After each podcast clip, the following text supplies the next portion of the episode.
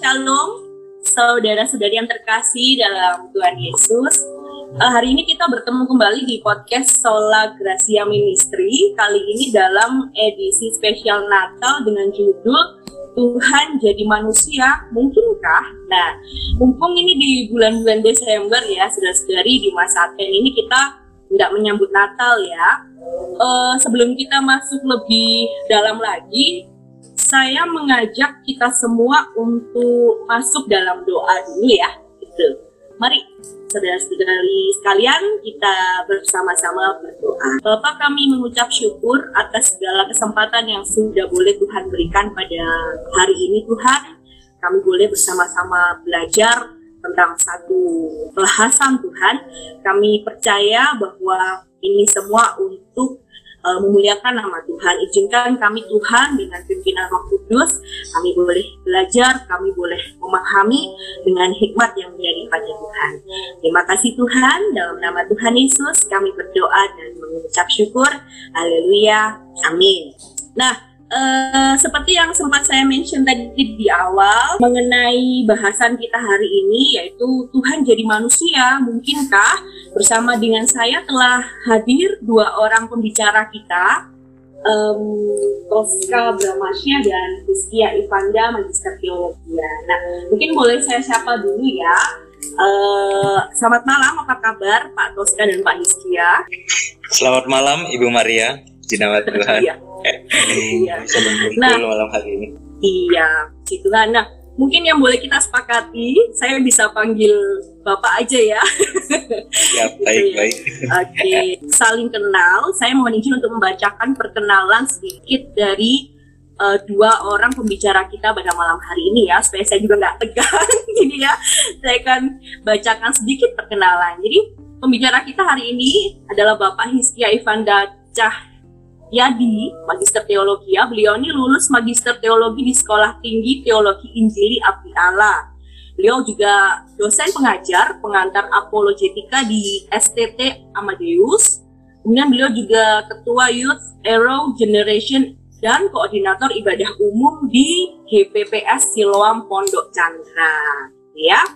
Nah, tidak sendiri, kami juga bersama dengan Bapak Tosca Brahmasyah Jalerio. Beliau adalah seorang mahasiswa tingkat akhir Sekolah Tinggi Teologi Happy Family. Beliau juga uh, penulis dan wartawan di Bahana Media Yogyakarta. Dan beliau juga adalah seorang penggiat teologi reform dalam aliran karismatik. Wah ini saya baru dengar Pak Tosca. Mungkin nanti bisa dijelaskan lebih lagi ya buat kita ya. Oke, okay. ya. Nah, uh, kita kembali ke pokok bahasan tadi untuk podcast kita malam ini uh, mengenai Tuhan jadi manusia. Mungkinkah? Nah, mungkin saya akan simpan pertanyaan ini untuk di akhir yang nanti akan dijawab oleh dua orang pembicara kita. Nah, tapi ini kita akan mulai lagi dengan uh, beberapa pertanyaan gitu ya teman-teman ya. Nah, uh, mungkin saya boleh menanyakan ke kedua pembicara kita malam hari ini. Begini, eh, rekan-rekan kita ini kan ada yang belum mengenal Yesus gitu ya. ya. Jadi mungkin agak sulit menerima konsep bahwa Yesus itu dikandung dari Maria. Gitu ya, Bapak. Nah, uh, proses dikandung ini kan meski kita tahu ini kan dari Roh Kudus, tapi kan uh, perkembangannya adalah proses yang alamiah gitu ya. Nah, bagaimana penjelasan yang mudah yang bisa kita berikan ke rekan-rekan kita terkait hal tersebut? Mungkin bisa dibantu dari Pak Iskia. Terima kasih Ibu Maria. Ya. ya. Uh, mengenai berbicara tentang Tuhan Yesus, kisah kehidupan Tuhan Yesus, kelahiran Tuhan Yesus, kepada saudara-saudara kita yang belum percaya. Tentunya memang bukan hal yang mudah karena setiap orang setelah punya sudut pandang masing-masing, punya pola pemikiran masing-masing dengan latar belakang yang berbeda-beda. Hal yang bisa kita mudah, lebih mudah untuk sampaikan kepada sesama dari kisah. Dari kisah yang ada, jadi kisah yang kita yakini bahwa ini adalah kebenaran secara historisnya benar-benar terbukti kita dari kisah-kisah yang ada bahwa Tuhan Yesus sungguh lahir dari dengan secara natural itu yang jauh lebih masuk akal daripada tiba-tiba langsung di usia 30 nih. Jadi dengan, dengan dari proses sejak lahirnya terlebih dahulu, kemudian menjadi seperti uh, seorang anak-anak yang terus bertumbuh, hingga pada usia yang tepat, usia 30, dia Tuhan Yesus melayani, melayani hingga mati di atas kayu salib. Jadi ketika berdiskusi dengan sesama, tentunya melibatkan dengan relasi kita dengan mereka, sejauh mana mereka setelah memahami kalau ada keberatan-keberatan bisa kita beri penerangan, pemahaman yang benar sesuai dengan sudut pandang Alkitab, ya harusnya bagaimana. Dan di situ kita mengisahkan bagaimana ini sungguh terjadi. Bahwa Tuhan Yesus lahir dinubuatkan oleh oleh para nabi ribuan tahun yang ada. Seluruh dalam kitab perjanjian lama telah menubuatkan tentang kelahiran Tuhan Yesus dan benar-benar terrealisasi dia lahir sebagai sang Mesias juru selamat kita. Hmm, ya baik baik Pak Istiana.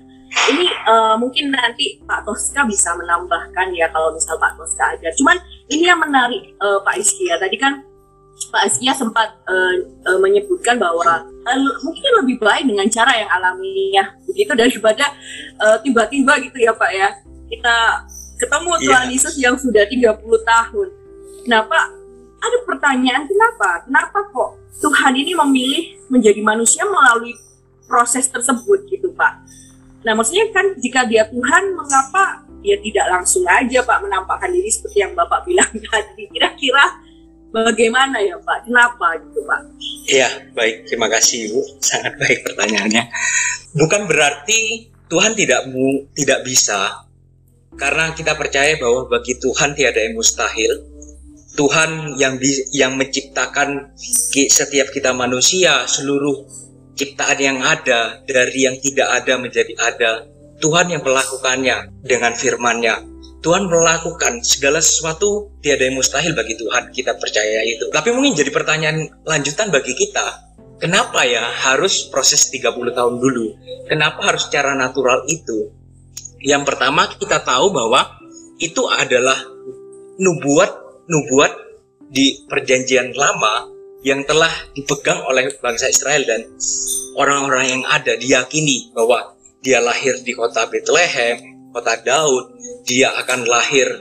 Banyak nubuat-nubuat di dalam perjanjian lama nih yang dikisahkan yang akan dilahirkan oleh seorang mar seorang perempuan. Itu nubuat-nubuat yang telah ada dalam yang telah ditujukan kepada Tuhan Yesus. Iya, Tuhan memang sudah dibuatkan demikian ya Pak ya dan digenapi ya kan benar benar. Nah nah mungkin ini uh, ada satu ada satu lagi pertanyaan Pak. Mungkin untuk Pak Toska boleh ya Pak bantu kita. Nah hmm, tadi uh, kita udah dijelasin sama Pak Iskia bahwa ini adalah uh, uh, memang sebuah penggenapan gitu. Tuhan memang uh, dilahirkan gitu ya. Uh, sorry, sorry. Bahwa Tuhan memang turun menjadi manusia. sorry Pak, tolong dikoreksi kalau saya salah ya Pak ya. Baik, nah, baik. Iya. Nah, mungkin dari Pak Toska, kita tahu bahwa tidak ada sesuatu yang mustahil bagi Tuhan, artinya bahwa Tuhan mengatur segala sesuatu dari atas ya Pak ya. gitu. Nah, Pak Toska kenapa sih kalau Tuhan tuh bisa udah bisa mengatur segala sesuatu dari atas. Kenapa Tuhan repot-repot gitu? Istilahnya kayak gitu ya Pak ya. Kenapa Tuhan itu harus repot-repot turun menjadi manusia Pak? Terus. Ya, uh, gambarannya begini.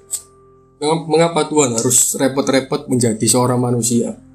Padahal secara kedaulatan dia adalah Allah yang sanggup menyatakan diri pada mungkin pada saat itu bangsa Israel yang menantikan kedatangan Mesias uh, sesuai dengan Hizkia tadi bicara bahwa itu adalah nubuatan terutama dalam kejadian 3.15 yaitu proto evangelium mengenai keselamatan itu. Jadi manusia ini sudah jatuh di dalam dosa. Jadi natur manusia ini sudah rusak oleh dosa. Jadi manusia tidak dapat tidak berbuat dosa.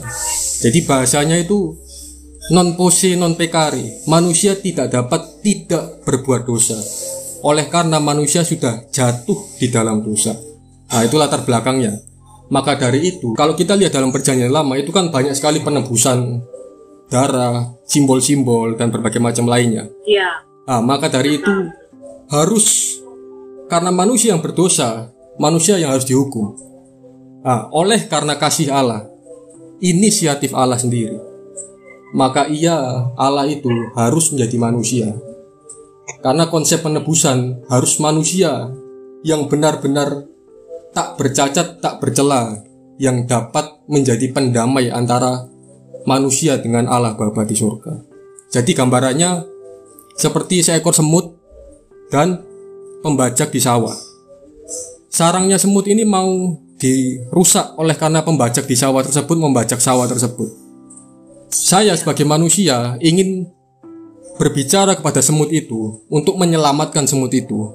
Tetapi bahasa manusia tidak sampai kan ke kepada semut itu. Maka dari itu saya sebagai Tuhan misalnya berinisiatif untuk menjadi semut itu sehingga uh, konteks pesan atau keselamatan itu bisa benar-benar utuh tercapai. Jadi hubungannya dengan proto evangelium, keselamatan kejadian 315 tersebut. Begitu Kak Kinan. Iya, iya, iya, iya. Berarti memang itu pun uh, kasih karunia itu adalah untuk kita manusia ya gitu ya Pak Toska ya. Iya benar. Oke. Okay. Uh, eh, nah mungkin ya mana Pak Toska mungkin ada yang mau ditambahkan? Iya benar benar. Enggak ya? Hmm. Belum ya. Oke. Okay. Nah uh, tadi saya menarik ya Pak saya sempat mendengar um, penggambaran uh, Pak Toska mengenai semut gitu ya Pak. Ya memang kita nggak bisa Pak bahasa semut ya. Nah, uh, saya teringat saya teringat suatu uh, satu ayat Pak di Yohanes 14 ayat 6 uh, yang di situ dikatakan uh, kata Yesus, Akulah jalan dan kebenaran dan hidup. Tidak ada seorang pun yang datang kepada Bapa kalau tidak melalui aku. Nah, uh, mungkin dari Pak Hiskia atau Pak Toska boleh uh, memberikan insight Pak ke kita semua. Sebenarnya uh, kita tahu, kita tahu bahwa Bapak di sini itu adalah Tuhan sendiri ya Pak, benar ya Pak? Uh, tolong dikoreksi kalau saya salah. Iya. Ya. Nah, ya. Nah, uh, ini uh, saya menempat, saya menempatkan diri kepada teman-teman yang mungkin uh, apa namanya masih bingung dengan konsep ini Pak. Sebenarnya Bapak di sini itu uh, siapa Pak dan kenapa kok Tuhan itu menyebut dirinya jalan kepada Bapak padahal itu adalah dirinya sendiri kayak gitu Pak. Kenapa Tuhan pakai um, perbandingan itu atau kiasan itu Pak kayak gitu? Mungkin boleh dibantu Pak Izkia dan Pak Tos. Baik, terima kasih Bu Maria. Uh, berkaitan dengan Yohanes 4 ayat 6 yang tadi Maria katakan, ya. akulah jalan dan kebenaran dan hidup. Ya, kita lihat kita tahu bahwa konteks di sini bagaimana Tuhan berkata kepada para murid-muridnya.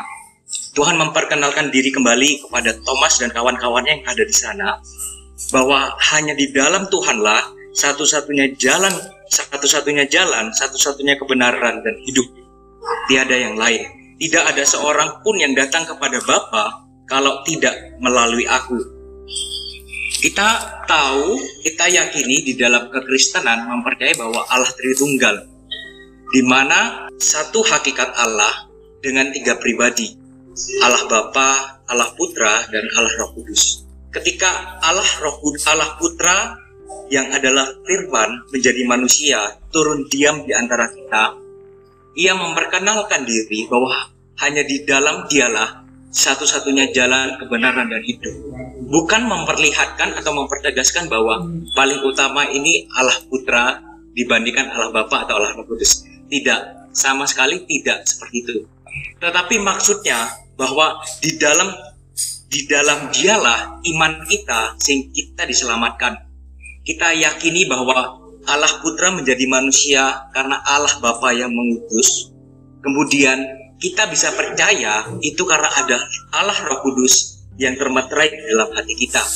Jadi ketika kita percaya bahwa Tuhan Yesus adalah satu-satunya Allah juru selamat, itu kita melihat ada melibatkan karya Allah Bapa, Allah Putra dan Allah Roh Kudus. Jadi ketiganya bekerja bersama-sama, bersinergi. Dan ketika kita meyakini apa maksudnya dengan jalan, kebenaran dan hidup, karena kita tahu bahwa solusi kita, solusi kita dari kejatuhan kita dalam dosa yang tidak berkenan di hadapan Tuhan, kita tidak layak masuk surga, hanya satu-satunya solusinya dengan pengorbanan Tuhan Yesus di atas kayu salib. Hanya melalui pengorbanan yang sempurna itulah kita memperoleh keselamatan, kita memperoleh anugerah yang besar dari Tuhan. Oleh karena itu, tidak tidak ada jalan yang lain sih kita memperoleh keselamatan. Baik itu uh, kerohanian kita pribadi, kebaikan kita kepada sesama, itu bentuk cerminan iman kita. Tetapi ketika kita diselamatkan bukan karena perbuatan baik kita, tapi sepenuhnya oleh karena iman kita yang percaya kepada Tuhan Yesus Sang Juru Selamat. Iya, ya siapa ya memang uh, saya selalu terus mengingatkan diri ya Pak ya, bahwa keselamatan kita tuh bukan dengan usaha kita ya Pak Isya ya. Benar, Ini memang benar. karena kasih karunia dari Tuhan. Nah, terkait ini mungkin Pak Toska ada sesuatu yang mau ditambahkan Pak? Ya, eh, a- saya akan menambahkan bahwa kita coba baca ayat 5 di situ katakan bahwa kata Thomas kepadanya, maksudnya kepada Yesus, Hmm. Tuhan kami tidak tahu ke mana engkau pergi. Jadi bagaimana kami tahu jalan ke situ? Para murid pun tidak tahu mereka akan pergi ke mana setelah itu. Maka dari situ Yesus berkata, Akulah jalan dan kebenaran dan hidup. Tidak ada seorang pun yang datang kepada Bapa kalau tidak melalui aku. Seperti yang Pak Iskira dikatakan, ini karya Allah Tritunggal. Allah Bapa, Putra, dan Roh Kudus. Tidak ada tiga pribadi ini yang lebih kecil dan le- yang lebih besar. Satu hakikat. Jadi gambarannya adalah kita gambarkan ruangan. Di dalam ruangan ada tiga jenis. Pertama ada atap, kedua ada lantai, ketiga ada tembok. Ketiga-tiganya beda. Tetapi kalau ketiganya dipisah, tidak akan menjadi sat- menjadi namanya ruangan. Benar kan? Begitulah Iya, juga Allah Tritunggal. Jadi akulah jalan. Ada orang menafsirkan ini yang tidak percaya pada Yesus berkata, Yesus berkata, akulah jalan. Ya jalan hanya jalan saja. Jalan menuju Iya. kepada Tuhan. Berarti Yesus ini hanyalah seorang nabi. Hmm. Mereka lupa bahwa mereka tidak membaca konteks ayat ini itu dengan lengkap. Akulah jalan, iya. kebenaran, dan hidup. Ini satu paket yang tidak bisa dipisahkan. The way, truth, and the life. Ya kan? Tidak bisa Iya. kita milih, oh jalannya aja, nggak bisa. Kebenarannya, ialah sumber kehidupan itu. Nah, maka, kalau kita baca satu konteks dalam Yohanes 14, di situ dikatakan bahwa Filipus berkata, ayat 8, kata Filipus kepadanya, Tuhan, tunjukkanlah Bapa itu kepada kami, itu sudah cukup bagi kami. Nah, ini menariknya dalam ayat 9 katakan begini. Kata Yesus kepadanya, telah sekian lama aku bersama-sama dengan kamu Filipus, namun engkau tidak mengenal aku. Barang siapa telah melihat aku, ia telah melihat Bapa. Bagaimana engkau berkata, tunjukkanlah Bapa itu kepada kami. Ini menandakan bahwa pribadi kedua Allah Tritunggal yaitu Yesus Kristus itu tersebut sehakikat dengan Allah Bapa. Jadi Yesus itu Allah. Kalau kita baca konteks secara lengkap juga dalam ayat yang ke-9. Iya. Begitu baginya. Iya, memang eh, menjelaskan em, tiga pribadi ini eh, harus lumayan berhati-hati ya Pak. Terutama mungkin kalau ya kita tuh yakini itu ya. Namun ketika kita harus eh, memberikan penjelasan itu kepada mungkin orang yang belum memahaminya itu mesti dikit hati-hati ya. Nah, sama seperti halnya ini ada satu satu ayat lagi. Eh, mohon maaf kalau misalkan saya eh, ambil satu ayat ya harusnya memang membaca secara konteksnya lengkap ya. Masih di Yohanes, Pak Toska dan Pak Iskia. Di Yohanes 1 ayat 14 itu mengatakan yang firman itu telah menjadi manusia gitu ya. Dan dia di antara kita. Dan kita telah melihat kemuliaannya yaitu kemuliaan yang diberikan kepadanya sebagai anak tunggal Bapa, penuh kasih, karunia dan kebenaran. Nah ini sekali lagi uh, ada dikatakan telah menjadi manusia, lalu sebagai anak tunggal Bapa. Nah apakah ini terkait dengan konsep uh, Trinitas tadi ya kalau saya tidak salah ya. Nah sekali lagi bagaimana Pak Iskia dan Pak Toska kita menjelaskan hal ini? Silakan mungkin dari Pak Iskia. Ya. Ya. Terima kasih Bu Maria. Ya. Melalui ayat ini, melalui Yohanes 1 ayat 14 ini, kita memperoleh jawaban juga ketika ya. jawab pertanyaan di awal nih. Kenapa ya hmm. kok Tuhan itu sampai repot-repot mau jadi ya. manusia, bahkan ya. dengan proses yang sangat natural sama seperti kita. Ya. Dikandung nah. oleh seorang ibu 9 bulan, harus ya. dengan proses banyak hal lah. Iya. Ketika kita melihat dari ayat ini, di sini dikatakan firman itu telah menjadi manusia dan diam di antara kita. Kita perlu ingatkan kembali bahwa melalui proses-proses itu kita disadarkan bahwa Tuhan itu dekat di antara kita. Dia diam di antara kita. Bukan Allah yang sangat jauh. Allah yang sangat sus, uh, sulit untuk kita bayangkan tetapi Allah yang benar-benar mau merendahkan diri. Sama seperti kita.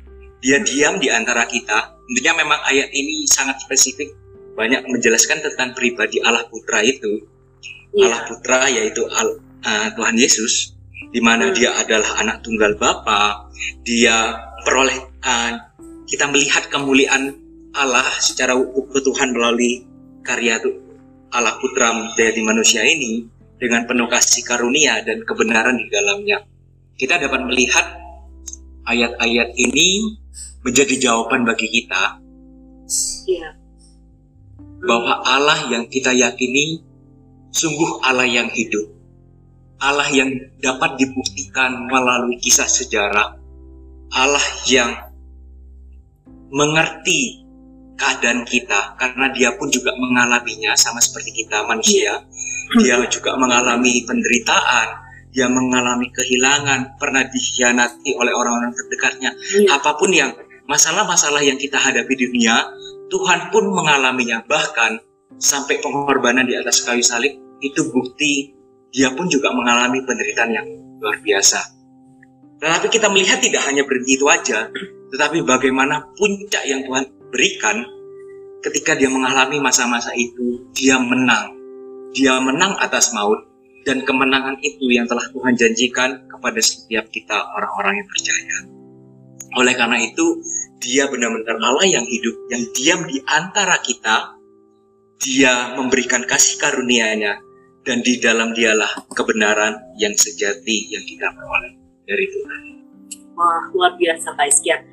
Uh, sangat menguatkan ya tadi saya tangkap pada Tuhan itu bukan Tuhan yang jauh gitu ya, dia dekat gitu ya. Nah, um, mungkin dari uh, Pak Toska ada juga yang mau diberikan Pak Toska mengenai um, ayat ini gitu Pak. Ya, Yohanes 14 ayat Yohanes 1 ayat 14 ya. Iya. Firman ya. itu telah menjadi manusia. Jadi sebelum iman dapat menghasilkan kelahiran baru, iman itu memerlukan suatu objek untuk dipakai sebagai landasan, yaitu apa? Inkarnasi, inkarnasi firman tersebut, uh, anak Allah tersebut. Jadi Allah yang transenden pada perjanjian lama itu, itu benar-benar datang di dalam peristiwa sejarah, yaitu di dalam inkarnasi pada saat itu. Mengungkapkan diri melalui Yesus Kristus Sang Putra di dalam bentuk manusia yang bukan sekedar mirip ini yang harus digaris digaris bawah yang bukan sekedar mirip hmm. tetapi benar-benar menjadi manusia kalau kita mau baca ini Yohanes benar-benar pakai kata hmm. menjadi daging bukan manusia. Jadi benar-benar Oke. daging manusia. Du- naturnya dwi natur Yesus itu Yesus 100% Allah, tapi pada saat ia menjadi manusia, ia juga 100% manusia. Seperti yang Hizkiel dikatakan, ia juga merasakan sakit, merasakan Iya. disalib, merasakan lapar, karena ia 100% manusia. Begitu Kak Gini, Iya. pada saat itu. Oke Pak. Jadi ya ah dari Pak Tosca melengkapi Pak Iskia tadi bahwa natur Yesus adalah 100% Allah dan 100% manusia juga. Dia juga merasakan apa yang eh, manusia rasakan. Nah, eh, ini ada satu pemikiran lagi Pak Iskia dan Pak Tosca. Jika tuh ketika Tuhan menjadi manusia dan dia merasakan apa yang manusia rasakan. Tapi dia dia pasti punya otoritas ya untuk melakukan kuasa-kuasa atau melakukan mujizat. Ya benar ya Pak Iskia Pak Toska ya. Karena dia juga 100% Allah di situ. Iya. Ya. Nah, eh, namun eh, mohon nanti dikoreksi kalau saya salah. Namun mengapa ketika Tuhan hendak membuat mujizat itu, dia harus berdoa dulu kepada Bapa. Mungkin bisa dibantu dari Pak Iskia dulu. Baik, Ibu, terima kasih. Ketika kita melihat dari kisah-kisah yang ada, saya lebih melihat ketika Tuhan Yesus berdoa, dia mengambil waktu-waktu yang sangat khusyuk kepada Allah Bapa, bahkan sering kali di waktu yang masih petang, belum matahari terbit, Tuhan memberikan teladan itu juga kepada para murid-muridnya. Tentunya kita tahu bahwa prinsip doa yang Tuhan Yesus ajarkan bukan doa supaya mendapatkan sesuatu, Ya, supaya apa, supaya apa. Tetapi do- doa itu berkaitan dengan relasi, hubungan Hmm. komunikasi kita dengan Allah. Itu yang yang Tuhan Yesus ajarkan selalu. Dan kita juga dapat melihat be- beberapa kisah-kisah yang mujizat yang telah Tuhan yang Tuhan berikan. Itu ya ucap Tuhan Yesus mengucap syukur kemudian kemudian mujizat terjadi. Bahkan ketika dia di, di kapal dia istirahat ada badai Alkitab kayaknya belum ada ayat Tuhan berdoa dulu kemudian menghardik. Tapi langsung bilang oh, diam. Benar. Ah, tenanglah. Gitu kan jadi uh, bukan prinsip yang oh harus doa dulu baru mujizat ada. Kalau udah do Tuhan Yesus sudah berdoa mujizatnya udah ampuh gitu. Kita, uh, Alkitab tidak secara keseluruhan tidak melihat memperlihatkan seperti itu. Bahkan sering kali juga kita melihat kemahatauan Tuhan ketika dia di sekitar orang-orang yang membenci orang-orang yang ingin menjatuhkan ketika orang-orang itu belum berbicara, hanya berbicara dalam hati aja, Tuhan sudah tahu dan menegur mereka. Kita melihat betapa Allah yang menjadi manusia ini, Tuhan Yesus adalah Allah yang maha kuasa, Allah yang maha tahu, Allah yang benar-benar Allah yang hidup diam di antara kita. Iya. Oke. Wah, luar biasa sekali. Terima kasih banyak Pak Iskia. Nah, em, mungkin betul ya Pak. Jadi memang eh, telad teladannya mungkin yang memang harus kita apa namanya eh, cermati di sini ya Pak ya. Jadi teladan Tuhan memberikan teladan bahwa eh, jam-jam doa dan relasi dengan eh, Tuhan gitu ya.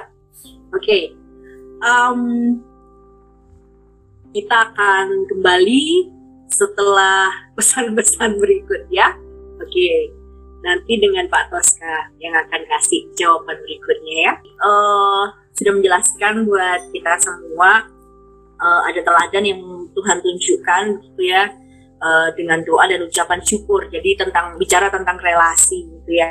Nah mungkin dari Pak Toska ada yang bisa ditambahkan Pak mengenai tadi pertanyaan sempat saya ajukan tadi. Ya, tadi sudah ditambahkan sekian relasi. Kalau saya eh, teladan Yesus yaitu pada saat berdoa atau pada saat kehidupannya yaitu taat kepada kehendak Bapa. Ya, Jadi apa yang membedakan Tuhan Yesus dengan para murid dalam menghadapi cawan kedaulatan Allah? Karena dia memiliki pilihan untuk menolak cawan pahit tersebut pada Taman Getsemani tersebut kan.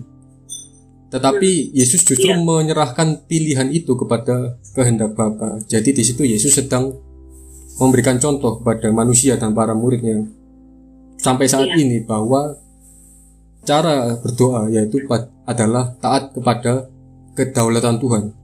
Jadi konsep doa itu Iya. yang Tuhan Yesus ajarkan bukan self-centered, bukan kita menjadi pusatnya, tetapi Tuhan yang harus menjadi pusat pada saat kita berdoa. Itu. Iya, iya, iya, betul Pak.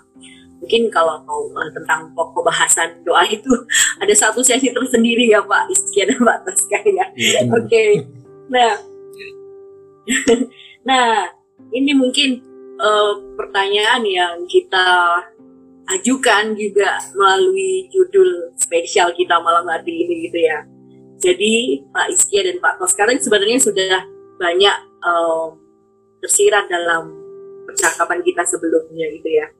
Jadi kembali ke pertanyaan awal, mungkinkah Allah menjadi manusia gitu? Dari Toska dulu mungkin, silakan Pak Toska. Ya. Mungkinkah Allah menjadi manusia? Kalau ini kita jawab secara perspektif kekristenan. Mungkin sekali. Pertama, karena ia adalah maha kuasa. Kalau Allah tidak bisa jadi manusia, berarti secara logika ia bukan Allah yang maha kuasa. Pertama. Kedua, Iya, Mengapa mungkin Allah menjadi manusia? Karena begitu besar kasih Allah akan dunia ini, ya kan? Alkitab berkata, maka ia iya, mengaruniakan anaknya yang tunggal, yaitu Tuhan kita Yesus Kristus, untuk menebus kita dari dosa kita. Alasan kedua yaitu kasih Allah. Pertama, maha kuasa, kedua kasih Allah, ketiga yaitu kerendah hatian Tuhan. Tuhan yang transenden mau menjadi imanen. Imanen yaitu mau dekat kepada kita. Maka pada saat Yesus disalibkan, itu tirai bait Allah terbelah menjadi dua. Terbukalah perdamaian antara manusia dengan Allah Bapa. Kerendah hatian yang menyeliputi Allah kekristenan, yaitu Allah Tritunggal tersebut. Itu yang bisa saya katakan. Tiga. Mungkin Pak Iskia bisa menambahkan. ya silakan Pak. Baik, terima kasih. Mungkinkah Allah menjadi manusia? Kita percaya bahwa bagi Tuhan, bagi Allah tiada yang tidak mungkin, tiada yang mustahil. Sederhananya, Allah lah yang menciptakan manusia. Ketika Allah mampu menciptakan manusia, Allah yang memakai tanah liat dan menghembuskan rohnya menjadi manusia laki-laki dan ketika menciptakan seorang perempuan dari tulang rusuk Adam, Allah mampu melakukan itu. Apalagi ketika Allah yang mau merendahkan diri, di dalam Filipi dikatakan mengosongkan diri, membatasi diri, dia menjadi sama seperti kita, menjadi manusia, bahkan dia mau menjadi hamba yang taat mati hingga di atas kayu salib, itu sangat mungkin terjadi. Dan di sisi lain, ketika ada orang-orang yang masih beranggapan tidak mungkin, itu patut dipertanyakan kembali. Perlu dikaji ulang. Allah bagaimana yang diyakini? Kalau Allah menjadi manusia aja tidak mungkin, bagaimana Allah bisa menciptakan manusia yang dari tidak ada menjadi ada dan mujizat-mujizat yang lainnya? Iya, Justru ketika kita meyakini Allah mungkin menjadi manusia, segala mujizat-mujizat yang lain pun juga mungkin dia lakukan. yes. Terima kasih. Yes, wow luar biasa sekali. Kalau misalkan di sini bisa tepuk tangan secara virtual, saya tepuk tangan. Thank you Pak Isya dan Pak Toska. Pak Toska ada yang mau di, oh enggak, saya kira ada yang mau ditambahkan. Iya, terima kasih banyak Pak. Memang eh, saya saya boleh nangkep bahwa di pertanyaan ini mungkinkah manusia, em, sorry, mungkinkah Allah menjadi manusia? Sangat mungkin ya, karena dia Allah gitu ya, dia punya kuasa gitu ya. Nah, tadi juga saya belajar dari eh, Pak Toska mengenai eh, ketaatan gitu ya, ketaatan yang diteladankan gitu ya. Uh, ketaatan itu um, bukan berarti kita lebih rendah gitu ya Pak Istia Pak Toska ya, karena itu dilakukan dengan sukarela dan uh, kasih gitu ya. Nah, uh, mungkin kita sudah sampai di penghujung Pak. Nah, cuman kita boleh boleh meminta apa ya Pak uh, kesimpulan Pak atau uh, insight dari apa yang sudah kita boleh uh, diskusikan malam ini kepada para pendengar itu. Mungkin saya boleh persilahkan Pak Istia dulu, silahkan Pak. Baik, terima kasih Ibu Maria sekali lagi. Terima kasih juga kepada rekan-rekan seluruh rekan-rekan yang telah mendengarkan podcast ini hingga akhir acara. Tentunya bukan suatu kebetulan ketika kita bisa memperoleh kesempatan untuk mendiskusikan topik ini. Bukan suatu kebetulan bagi rekan-rekan juga yang mendengarkan saat ini, entah itu mendengarkannya di tengah kesibukan atau memang di waktu yang fokus untuk mendengarkan. Tapi percayalah bahwa di dalam kedaulatan Tuhan, Tuhan yang selalu berkarya atas kehidupan kita. Ketika kita mendengarkan saat ini tentang kisah yang benar-benar nyata, Allah yang menjadi manusia, diam di antara kita, topik memperingati Christmas ini bukan suatu kebetulan yang encourage setiap kita kembali bahwa Allah kita sungguh Allah yang hidup. Allah bukan Allah yang jauh, tapi Allah yang sangat dekat di antara kita. Diam di antara kita. Dia pun juga yang telah mau melewati setiap proses-proses yang kita lewati, bahkan jauh lebih luar biasa. Dia taat sampai mati di atas kayu salib karena kasihnya yang besar bagi setiap kita. Kembali kita diingatkan bahwa setiap kita adalah pribadi yang berharga di hadapan Tuhan. Apa pun latar belakang kita, apa pun kesalahan-kesalahan yang dulu lagi. Menjadi pribadi yang semakin cinta akan Tuhan, semakin meyakini bahwa Allah sungguh-sungguh telah memerdekakan hidup kita dan kita mau hidup untuk melayani Tuhan.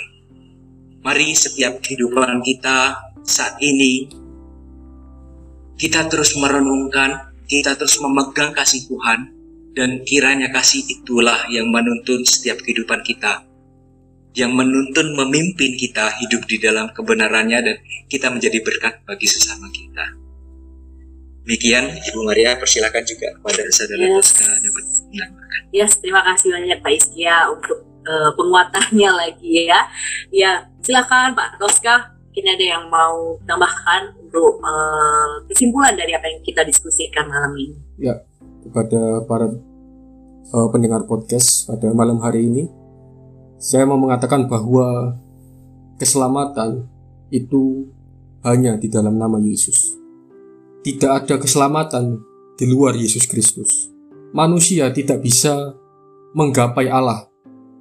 Bahkan manusia tidak dapat mengetahui Allah yang benar kalau Allah tidak menyatakan dirinya kepada manusia tersebut. Maka dari itu, Allah menyatakan dirinya melalui Tuhan Yesus Kristus sebagai Tuhan dan Juru Selamat manusia untuk menebus dosa kita semua yang telah jatuh dalam dosa ini. Maka oleh karena penebusan itulah kita diselamatkan oleh karena iman kita.